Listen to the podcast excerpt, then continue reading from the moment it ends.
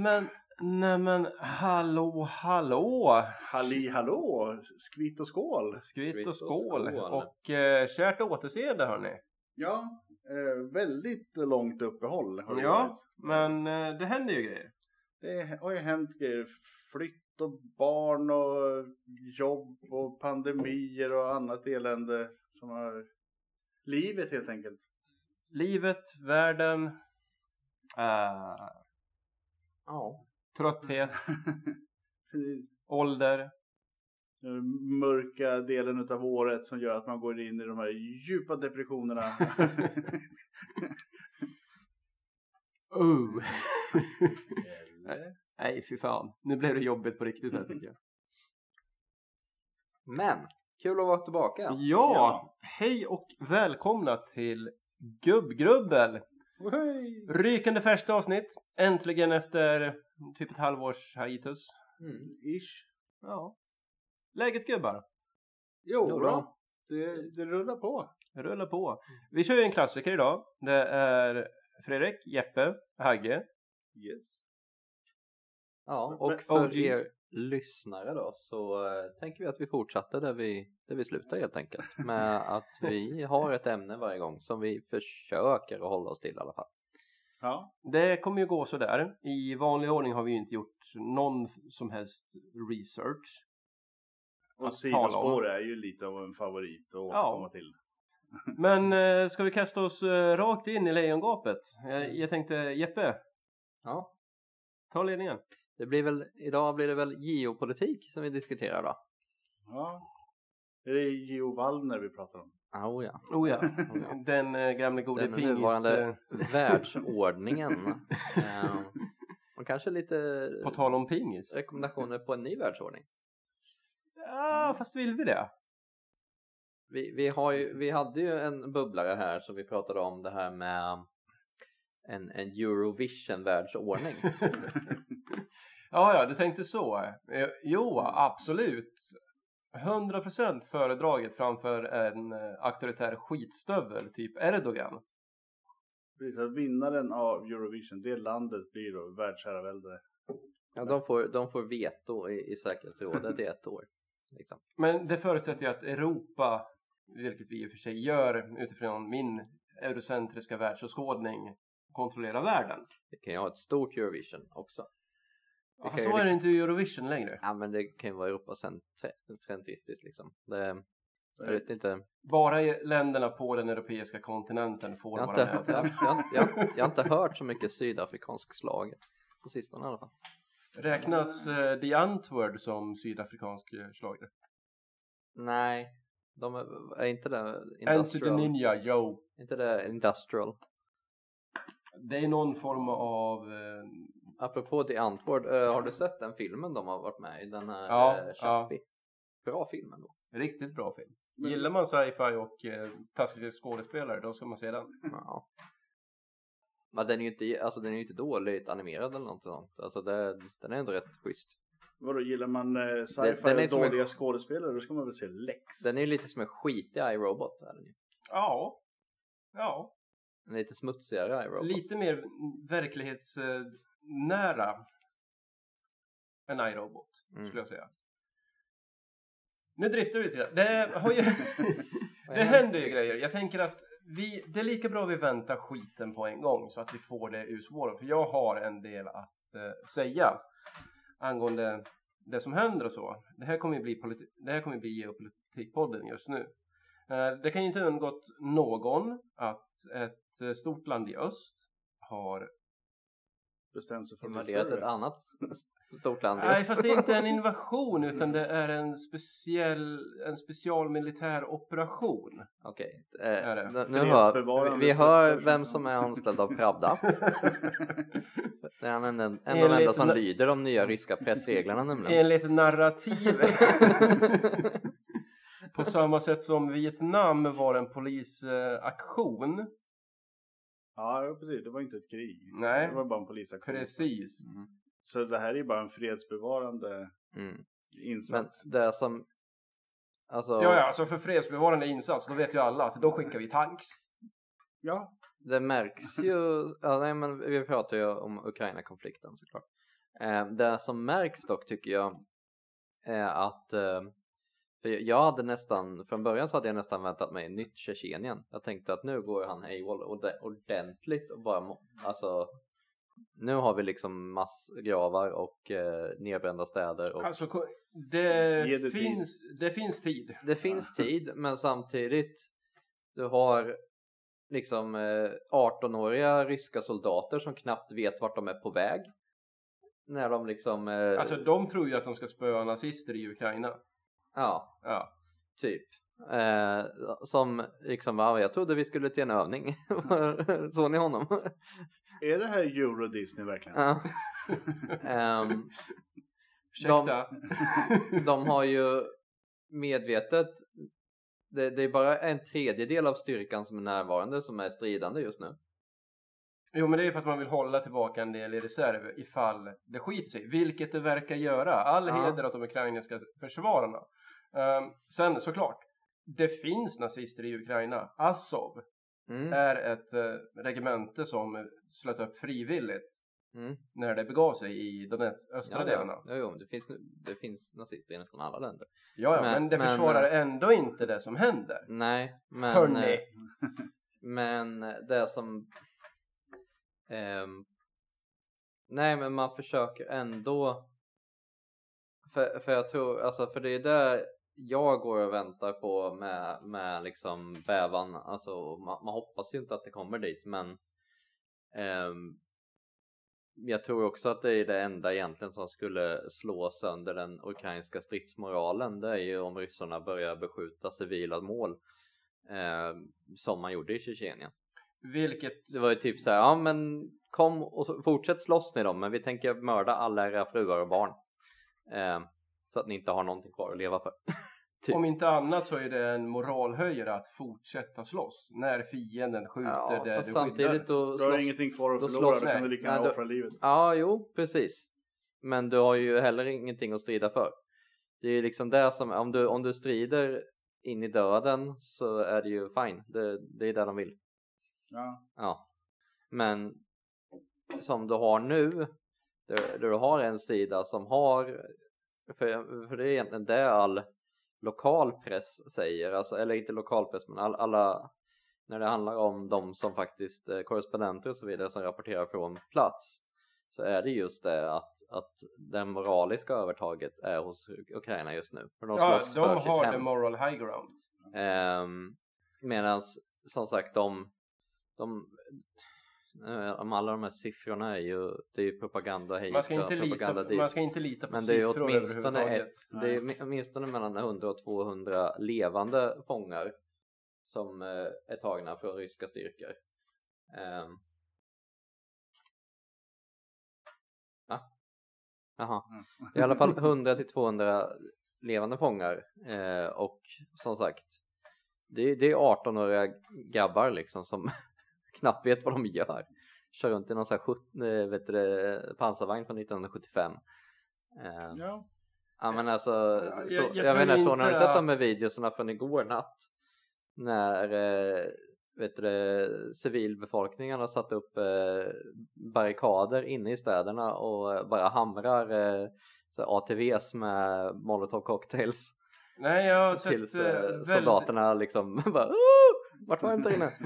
Ehm, nej men liksom det Jag, jag har sett väldigt lite videos eh, från marken på det sättet, det måste jag säga. För jag, får jag, hänga mer på Twitter och Ah. olika obskyra forum jag. alltså, jag tycker att den här situationen är riktigt läskig på grund av att Ja. det är så nära hemma. mm. Men, På tal om det så vill jag glida in på en grej. Har ni börjat tänka över eh, krisförråd? Sådana saker Ja, hemma? jag har gjort flera år. Flera år? Ja. Du, du är redan inne på det tänker Ja. Jag Bra. har, jag har en jävla massa konserver och eh, ja, snus och alkohol. eh, Och Haggebo. Men nej men så att eh, Nej lite sånt där har men jag har stormkök och grejer också Jag var, pratade faktiskt med min sambo om den här eh, delen igår. Eller grejen att vi borde på allvar börja se över de här bitarna just nu. Mm. För alltså, vi har levt i en pandemi. Det har ju i myndigheterna sagt år. till dig Ja. för flera år sedan Hjälte Varför har du inte gjort som myndigheterna säger? ska klara det en vecka. Fuck staten! Äh.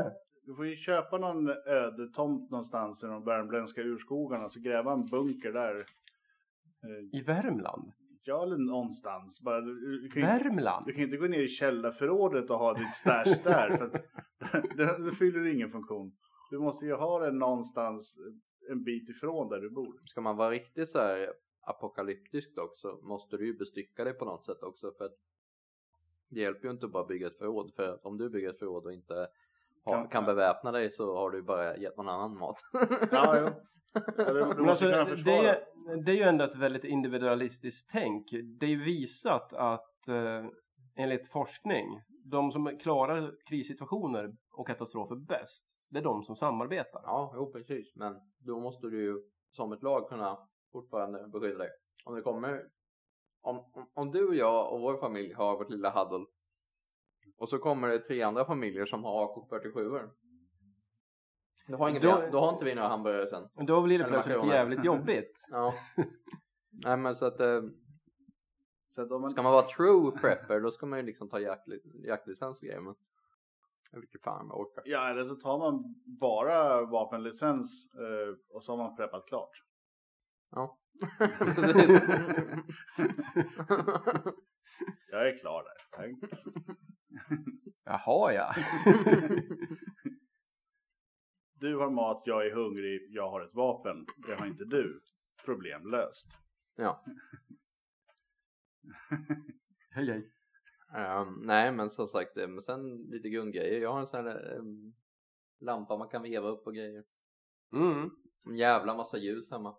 Vi, håller, vi gillar ju friluftsliv mycket Mm. så vi har ju en massa saker som man kan använda sig av om Mm. det behövs.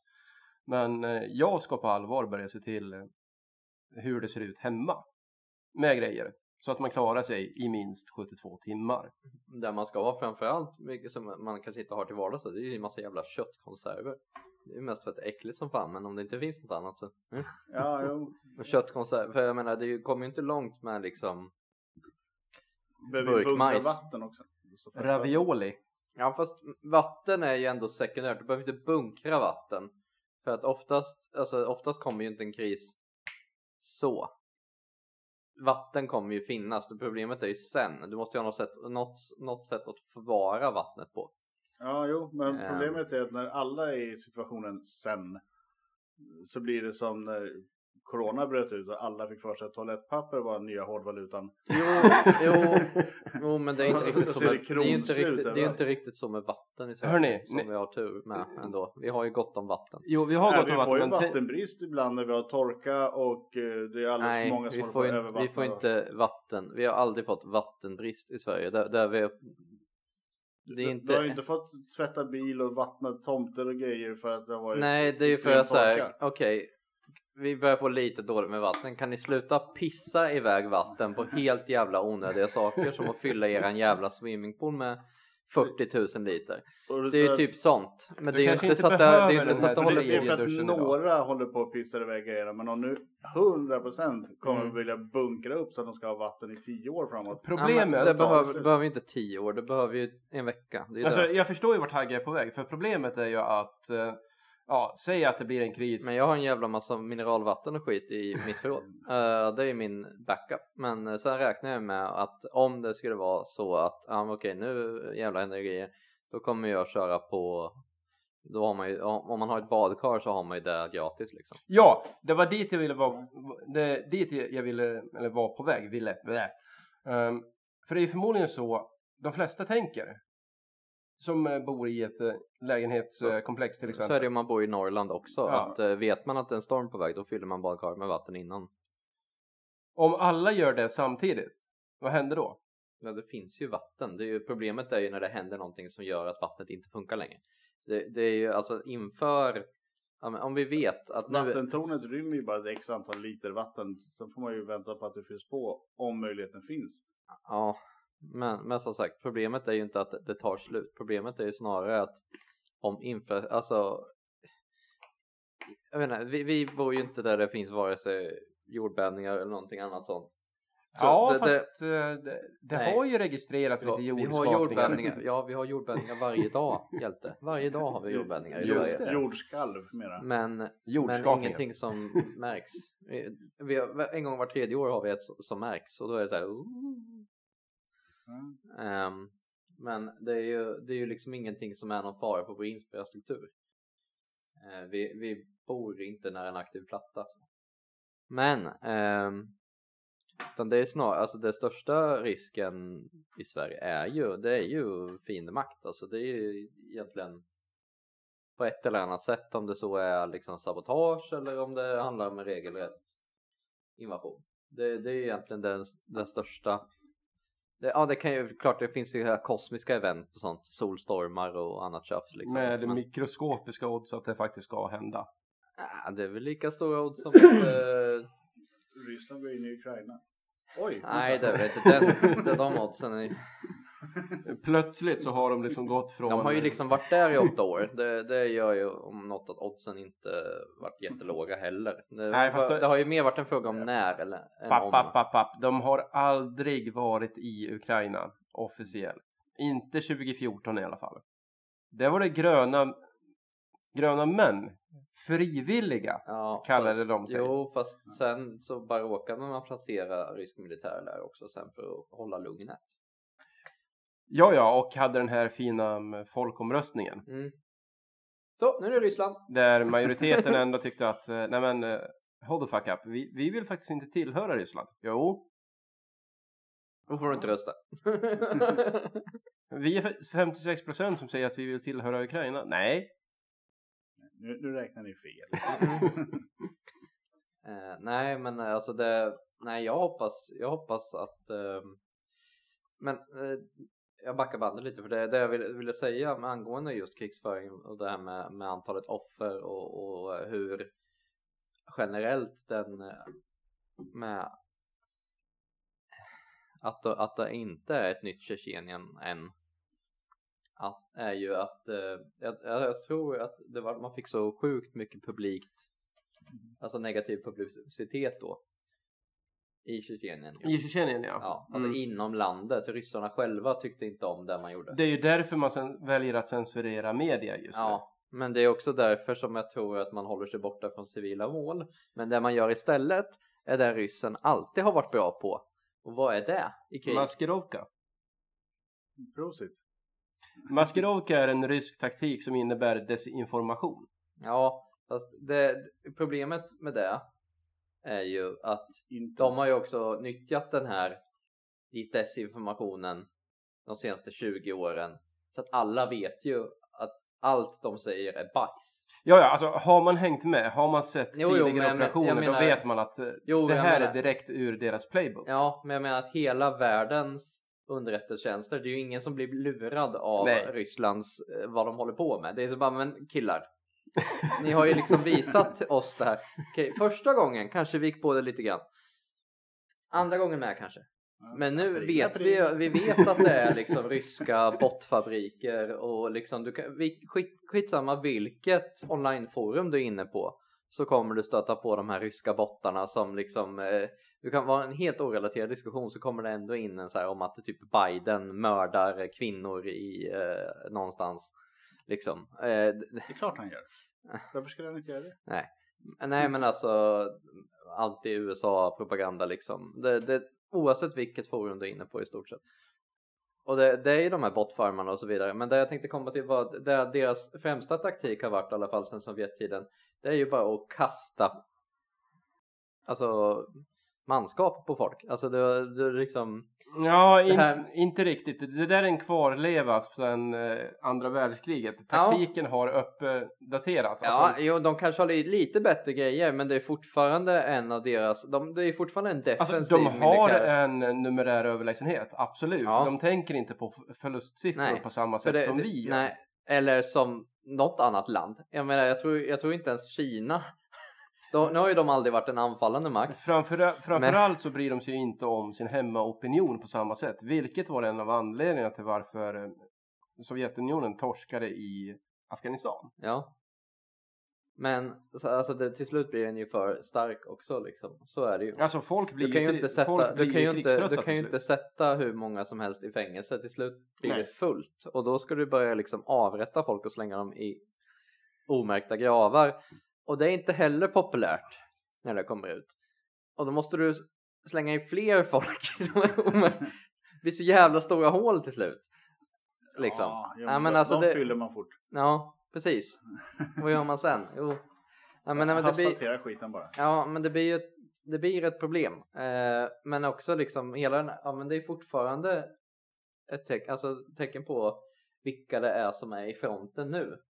Och det är så här, ja men det är tvångs, inte tvångsrekryterade men, men alltså värnpliktiga mer eller mindre. Jo, men Draftade så- 18-åringar. Så är det ju i alla krig. De som tar smällen, det är vanligt folk som inte har en jävla susning om någonting överhuvudtaget. Nej nej, men jag menar Du om- har 18-åriga Ivan som har ry- ryckt in för ett halvår sedan som bara Ja. säger ah, men om man, jag Ja men- kapten! Jo, men med, alltså om, om det här skulle varit så väl organiserat om man hade tänkt göra en sån jävla stingoperation att man liksom gick in över natt och tog över alltså eh, Gör det inte ner- med 200 000 man.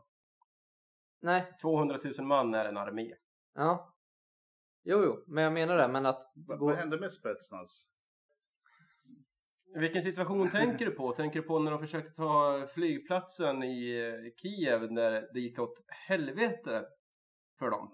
Ja, jo, men jag tänkte att eh, borde de inte ha tränat upp flera sådana här killar och varit lite mer proaktiva om de nu Alltså, det här är ju också en grej som ska in och är... ockupera ett område. Det är väl bra att ha elitsoldater. Ja, men det var det jag menar. Men om man, att, om man nu ska försöka liksom snabbt, för det, jag menar, det, det är ju ganska tydligt att det man har försökt att göra är ju att destabilisera ledarskapet i Ukraina. Man har ju velat liksom ha ihjäl eller tillfångata presidenten. jo, och, och det här hade ju funkat 2014, 2015, absolut. Ja, Inte idag. nej. Ukraina har levt i, mer eller mindre i krigstillstånd i... Jo, men jag menar det. De har ju, rust, de har ju rustat i, i åtta år de Ja. också för att de vet att när som helst så kommer det här. Det är ju inte, alltså som sagt, de hade ju bara 18 000 eh, liksom automatgevär ge ut till civilbefolkningen i eh, Vill du ha tyvärr, Kiev. åk till Ukraina. Så jag menar uppenbarligen finns det ju lager liksom. Ja, jo. Ja. Ehm, men jag menar. det är lite skrämmande dock att eh, de rensar alla flyktingströmmar ut från Ukraina. eh, Går igenom alla bilar och alla män under, mellan 18 och 60 och bara säger nej, kliv ut. Jo, men det, det är inte konstigt egentligen Nej, för det nej, är det är ju en allmän mobilisering Mm. i landet som pågår just nu.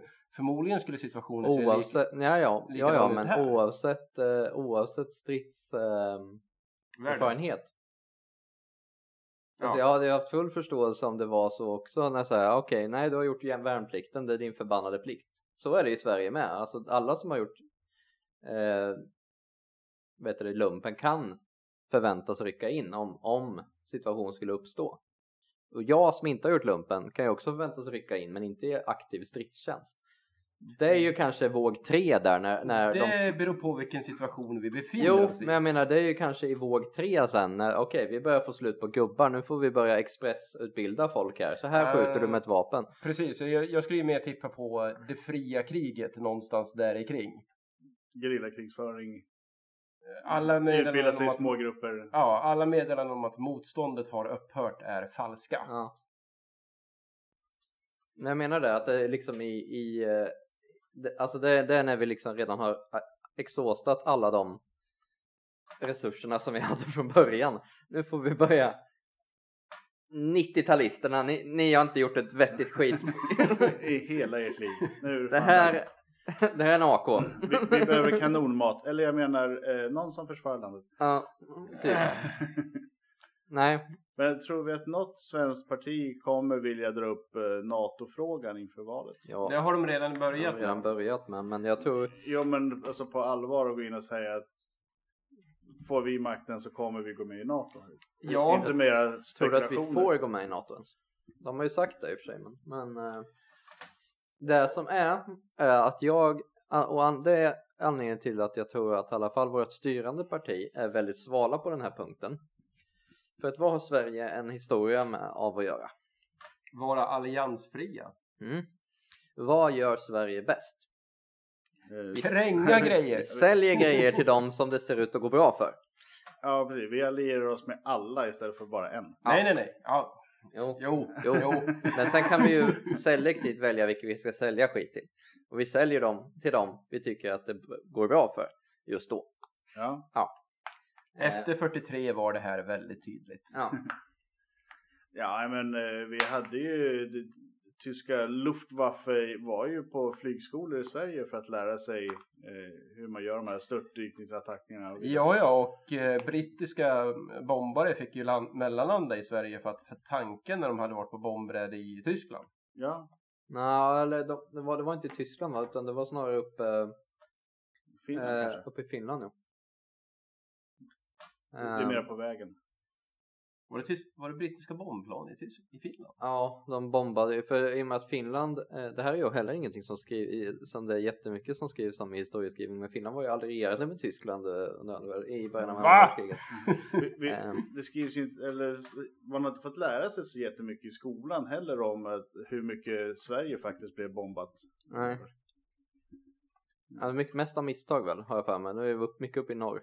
Jo, jo, men Mycket dock. uppe i norr. Ja. My, my- mycket i norr, men det var även lite söderut också så följde ju Va, är, det här, är, det, är det här en, en eh, vet du, tysk-ockuperad finsk eh, gruva? Ja, kanske. ja. Jo, men... Men eh, nej, jo, men jo. eh, det var ju mer ett, ett gemensamt hat mot ryssen. Men sen så fort det vände på den fronten så kapade man ju alliansen med Tyskland. Ehm, på tal om Finland och eh, det goda kriget. Visste ni om att... Finska Eh, vinterkriget tänker du? ja, nej, fortsättningskriget tänker jag på. Ja, okej. När eh, finnarna slöt fred med Sovjet. Ja. Då fanns ju en del tysk trupp kvar ja. i Finland. Det blev ganska kärvt för dem. Man gjorde processen kort. Nej, man skickar dem med båt. Så. Ja, det var ett eh, väldigt jobbigt eh, återtåg från eh, Övre Torne, tror jag, Mm. till norska gränsen där, som tyskarna fortfarande höll under hela kriget. Mm. De, äh, det, äh. Så finnarna sköt på tyskarna, tyskarna sköt på finnarna, ryssarna sköt på tyskarna, tyskarna sköt på ryssarna. Det kan inte varit kul att heta Schmidt då, Mm. Eller det, Frans. det var ju också, men, men eh, sen var det ju också att det, det var, fanns ju frivilliga finnar i SS-brigaderna också. Så. Ja, ja, ja, vi har ju haft frivilliga Sånt. svenskar Ja. där också så att eh, det ska vi inte sticka under bordet. Nej, alltså vi har ju alltid haft frivilliga som har kuskat runt där det finns kon- stora konflikter Ja. från Sverige på alla sidor Ja, har vi. Sen har ju de blivit väldigt uppmärksammade på grund av att de är rövhattar och arslen. Mm. Men det är en annan sak. men vi Hade- hade, ju hade vi faktiskt inte- svenskar som var säga- med i amerikanska inbördeskriget. Jaha, ja jo, eh, också en av väldigt... eller, Spanien inbör- hade vi en bataljon. Vi hade ju även i eh, frihetskriget, eh, vet du det, revolutionära kriget eh, också. Eh, våran alldeles, vad heter han som eh, pippade Marie Antoinette? Ja, ja, ja, från var Fersen. ju- Från Fersen. Eh, Han hade ju en nyckelroll i det revolutionära kriget. Eh, var, han var ju, deltog ihop med franska styrkor. Eh, vad fan nu den generalen hette, jag kommer inte ihåg vad han hette. Han Alltså, var tjenis med honom så han hängde med. Så han träffade ju George Wa- Washington där borta bland annat och sen... eh, Ja, kan det ha varit Charles de Gaulle kanske? Nej, lite, lite, lite långt. Som var president. Mache nej. någonting. Någonting. Nej, jag nej, skitsamma. nej, nej, det, det, det var inte eh, Charlie Boy. Nej, men det var, det var ju... Vi har Varför ju var han president i Frankrike då? Han var ju president efter andra världskriget. ja. Men... Nu är du som en av mina elever när jag hade men, Jag vet att de har haft en sån president och så har de haft någon president som hetat uh, Mitterrand. Mm. Sen kan jag inte så många fler franska Macron. presidenter. Petain. Du sitter ju bara och säger franska ord. Eller ord som låter franska. Men- De tror fortfarande att de är en stormakt, vad fan. Ja, men alltså det, och det, det jag tror alltså med det här, men jag, jag hoppas ju att Ukraina håller. För jag tror tyvärr att eh, om det inte gör det så kommer Baltikum verka allt för smaskigt. Det beror alldeles på. ehm, för om Ukraina faller, det som är kvar då, det är ju NATO-anslutna länder. Baltikum, Mm, Polen, Ungern. mm. Det blir en Europaturné helt enkelt. Jo, men då pratar vi röda, röda, röda knappen. Och då pratar vi, Då pratar vi väldigt, väldigt jobbiga saker. ja. Då pratar vi liksom om det finns människor kvar. Vart finns det människor kvar? Ja. Vilka säljer vi våra vapen till? Ja, Vi får se som sagt om vi, om vi kräng, eller om vi inte, eh, om vi skickar några skickar några robot 57 nu. Eh, Storbritannien har skickat 200 stycken robot 57 Ja, alltså, som de har köpt av oss men Ja, jag, via ombud. Jag vill klargöra det här. Um, oavsett vad. Det är aldrig rätt av en främmande makt att invadera ett annat land. nej. Oavsett anledning. Funkar inte. Det spelar ingen roll hur mycket de provocerar och retar så, nej, nej, nej, nej, så får man fortfarande inte storma in och skjuta folk. Det är en väldigt dum Nej, men grej alltså, att göra. Nej, så ni ja, som... men det är klart det, klart det finns en skälig anledning för varje stat har ju rätt att hävda sin suveränitet så att i det där läget när när det liksom är ja men säg att det sker liksom terroraktiviteter i ett land orsakat av ett tredje land Rättfärdiga ju du just nu. Nej men alltså vi, vi behöver inte prata om just det men jag menar att Jesper. om, om vi skulle ta att det var två grannländer, men jag menar som det som Ryssland har hållit på med nu i ett par veckor där de har eh, liksom Black Ops mer eller mindre, alltså eh, ryssar utklädda i ukrainska uniformer som eh, spränger militära mål och, och attackerar civila och sånt där som har varit. Eller ännu roligare när, eller ännu roligare när de eh, eh, attackerar mål i Ryssland. Ja, på andra sidan gränsen. Ja, ja men de har gjort det så Ja. att ryssen bara nu har, nu har vi blivit attackerade. Alltså det är okej att vi går in här nu. Ja, ja. Det gjorde ju även eh, Black Flag heter det, inte Black Ops. polska inom situationstecken soldater 39. Ja, jo precis. Det var ju bara någon full tysk bonde har jag för mig. Nej, det var tyska, Som sköt ihjäl. tyska SS-soldater som hade tagit på sig Jo, jo, jo jag vet, men man, man tog ju en full tysk bonde som man tog som, ja ah, titta vi har fångat en av dem levande. Ja, klädde upp, hon, Ja, klädde upp honom i en polsk uniform. Ja. Ja. Ja. Han var inte ens polack, han var ju tysk. Ju liksom, han, Vad- han var heller, heller inte alls insatt i det, han var bara full. Vilket Wilhelm Klaus! han, måste vara ty, han måste vara polack. Ja. Men det är klart att de pratar tyska så nära gränsen. Det är ju Ja. inte så konstigt. Det var ju inte skolorna. nej, men eh, ja, nej som sagt det är det är, eh, det är otäckt är det ändå. Ehm, Alltså det är ju inte en kul situation för för någon det här. Sen jag vet inte. För en annan blir det jävligt jobbigt på så många plan. Man har ju, jag, jag vill ju hänga med i det geopolitiska, det som händer runt om i världen. Man har ju sett det här komma någonstans. Ja, med tanke på det, det amerikanska imperial overreach eh, grejen alltså att eh, stor, den makten har blivit allt för stor för sitt eget bästa. mm. Imperiet kommer att falla. Det är ju där någonstans vi är nu. Nej, inte det imperiet. Men i kölvattnet av det här, vad händer då? Vi kommer få en ny världsordning. Ja. Och eh, den här världsordningen verkar som det ser ut just nu bestå av att det är auktoritära stater.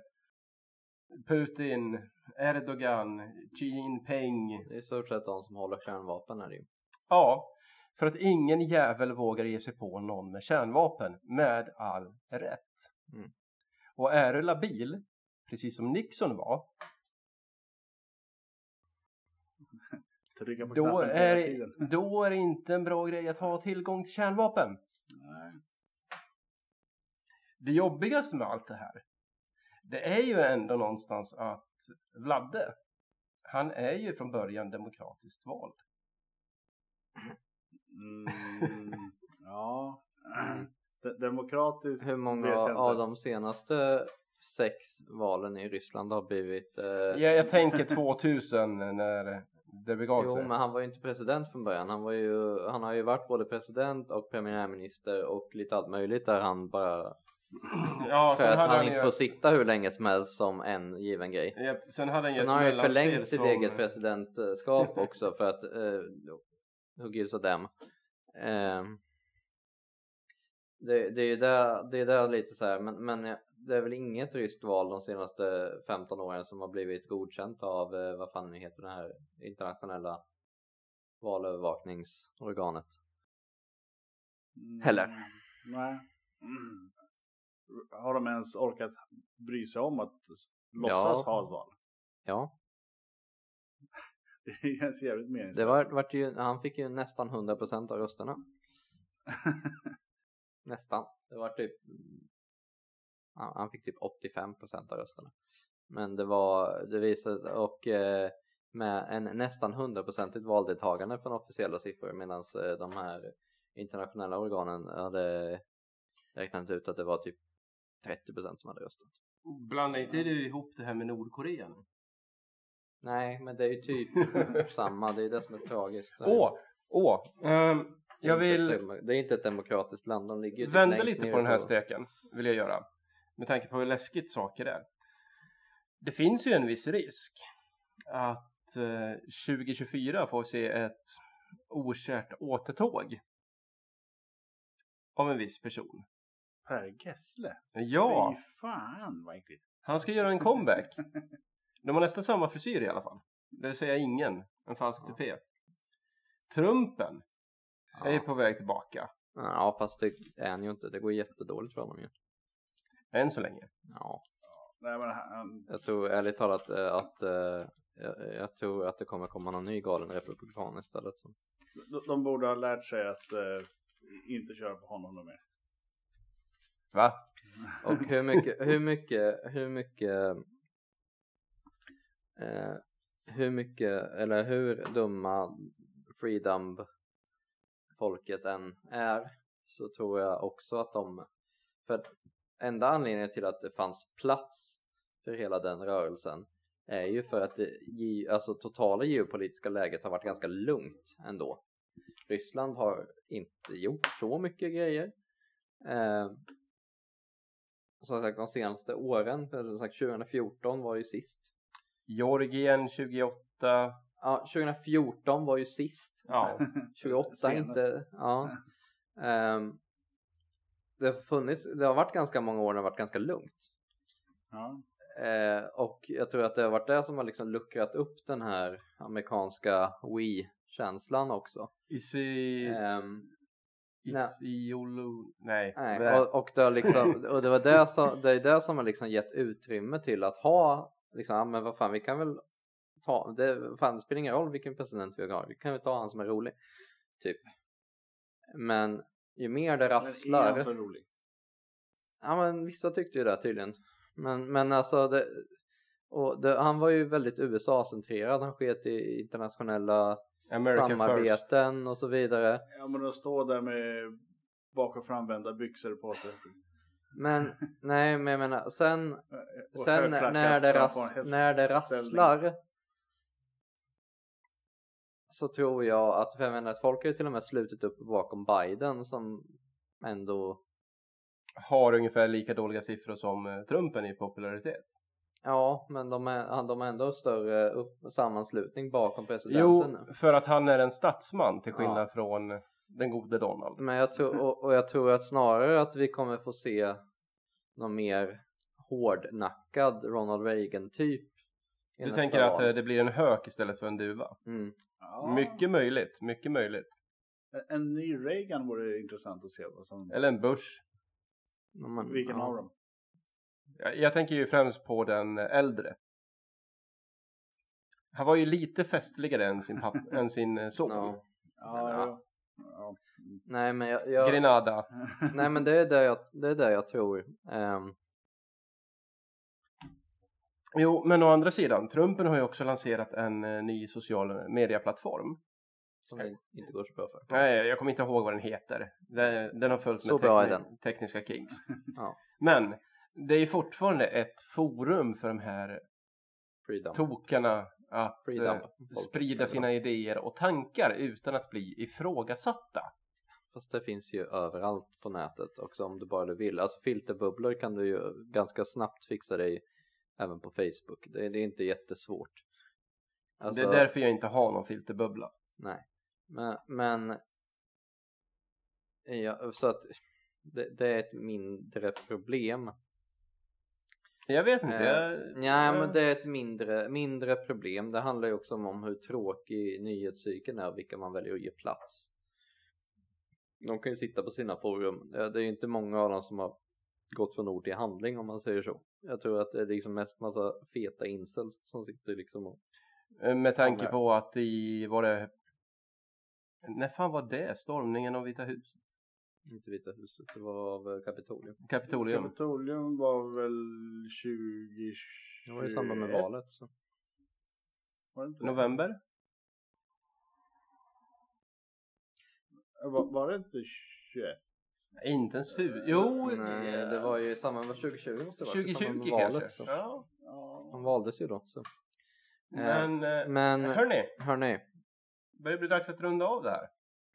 ja. Så eh, vi tänkte att vi ska pröva en eh, liten ny grej. Mm. Veckans tips. mm, På och jag saker. kan börja. Ja, skjut! Eh, Peacemaker. Peacemaker. Ja, riktigt bra serie. Eh, HBO's eh, tror du skulle hålla inom vapen för Peacemaker är ju en rätt bra... Ja, det är mycket vapen i den serien. I will shoot. Eh, I will defend freedom and I will kill every man, woman and child that stands in the way. Han säger ju faktiskt att han eh, vill försvara freden. Peacen. Ja, Ja. Ja. I will defend peace and I will kill every man, woman and child that stands in the way for it. ja. Nej men det är väl... Också jag älskar sen eh, så här sublima undertonen hela tiden när alla anklagar honom för att vara rasist i, i början av serien. Ja, men alltså, den För är att de bara, men så här, vad, vad? Nej, alltså jag, jag diskriminerar inte på ras. Jag, jag skjuter alla kriminella jag ser. Ja, men majoriteten av dem är ju svarta. det bara blir så. Inte jag som har bestämt det där. Det är saker som händer ibland, vad fan. Alltså, jag gillar serien, den är ju väldigt lättsam, ja. underhållande och eh, har gliringar. Första avsnittet är lite jobbigt för man... eh, Man måste ju nästan ha sett uh, Suicide Squad. Då, Jag har inte gjort det, men jag kämpade mig igenom första avsnittet och sen tyckte jag att det här var kul. Ja, men, jag men fortsätter eh, titta. kolla på Suicide Squad med så fattar du Ja. själva grejen sen också. Ehm, också bra, för det är James Gunn som gör den också. Har Så, eh, ja, det är mitt tips. veckans tips från eh, Jeppe, Peacemaker. Hagge, Eh, oj. Ja, veckans... Eh, vet inte riktigt. vi har ju ett väldigt brett spektrum nu. Ja, eh, jag har ju provat på massa olika saker och nyligen eh, snöat in lite på eh, wine coolers. Eh, och provat mig fram till olika recept på det.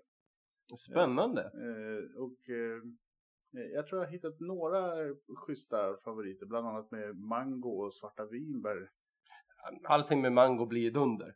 Ehm, är det här någonting som du har lust att eh, lägga upp på eh, Facebook-sidan kanske? Något, Eh, jag kan slänga upp lite recept Ja, som visar um, hur man gör en, en lagom stor portion. Gör en eh, DIY-grej på um, en wine cooler. Lägg upp en film eller någonting. Ja, ja, men det kan vi fixa. Ja, gött.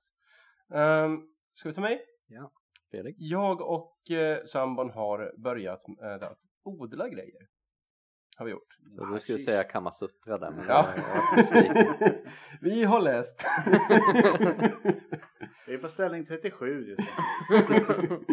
Upp och nervända fisken. Den är, det är kramper. Det är jobbigt. Nej men eh, just eh, odla saker. Ätbara saker då. Främst. Är något som jag har varit intresserad av länge.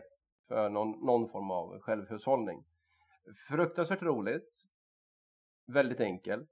Ner med frön i en kruka med jord. Vattna. Hoppas på det bästa. Det, det är ju grundkonceptet i det hela. Man kan använda växtnäring om man vill att det ska gå lite snabbare. Ja, eh, vi har ju redan fått eh, skott. Ja. Så jag är ju löjligt glad när jag gick hemifrån. Basilika, slanggurka, tomat, chili. Håller du på nyper tjuvarna också eller låter du dem växa Jag har inte kommit dit än. Jag har inte kommit dit än. Jag har ingen aning om vad du pratar Jag om. var just nu. lite av en, det är tomater man gör det på förut. Ja, jo, Men, eh, ja, bland annat. Jag var ju lite av en, lite av en odlingsfreak där när vi hade tomt. Nu, nu är det not so much. Not so much. Ja, men eh, jag funderar på att börja odla chili igen. Det gjorde jag en hel del. Jag var lite av en chilikonnässör. Ja, och chili är väldigt lättodlat. Mm, men det finns mycket roliga sorter, alltså som inte liksom som man inte- ser i handeln så att säga. Nej, men precis. Sådana här spaghetti chili som är typ 30 cm långa och jätte så här, eller typ eh, Känns som ju- tårgas i halsen när du sväljer den.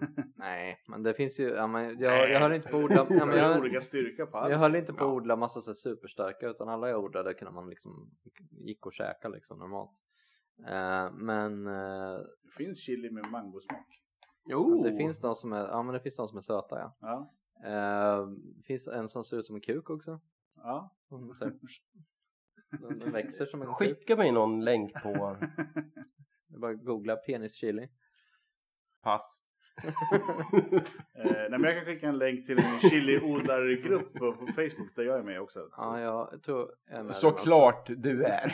Jag, är- jag är med den också fast jag har tror jag avföljt den bara för att det var så jävla mycket meddelanden efter att jag slutade odla. Så att jag, Men alltså, det är ju så det är med alla Facebookgrupper som man är med i. Det blir till slut på tok för mycket meddelanden som drunknar i flödet. Man orkar inte till slut. Det är alltid eh. samma. Det är så här, vad ska jag göra? Jag har fått sorgmygg. Det var så liksom, nej till slut, nej jag orkar inte. Ja, men eh, odling, det är mitt eh, tips om du har möjlighet till det. Ja. Ska vi? Epsom Allt för salt den här veckan. Vi eh, ses i dimman allihopa. Ja, hörni. Vi har ju glömt här. Vart finns vi? Eh, just nu så befinner vi oss i vår nya studio. Det gör vi. Det har vi inte fysiskt. nämnt heller. Nej, vi har Mm. studio. Vi kan prata lite om det nästa gång. Ja. Men eh, hur kontaktar man oss? Eh, lättast att nå oss är ju på sociala medier där vi finns överallt vad vi vet just Och nu. framförallt våran mail. Ja, Ja. som Gubbgrubbel at gmail.com. snyggt. Ehm, vi kanske blir bättre på att uppdatera våra sociala medier. Vet inte. Det beror lite grann på. Framförallt ska vi ju lägga mest fokus på att eh, skapa bättre content framöver. Ja. tänkt. Och mer content. Så är det något speciellt ämne som ni vill att vi tar upp och diskuterar så skicka ett meddelande. Absolut, det är bara att höra av sig. Var inte blyg. Nej. Vi gillar när folk hör av sig. Vill Det vi ska hänt. diskutera mjukglass nästa gång, då gör vi det. Ja, ja, för fan. Vill ni att vi diskuterar Vi säger så. Till nästa gång. så... det ja. Ha det bra. Hej. Hej.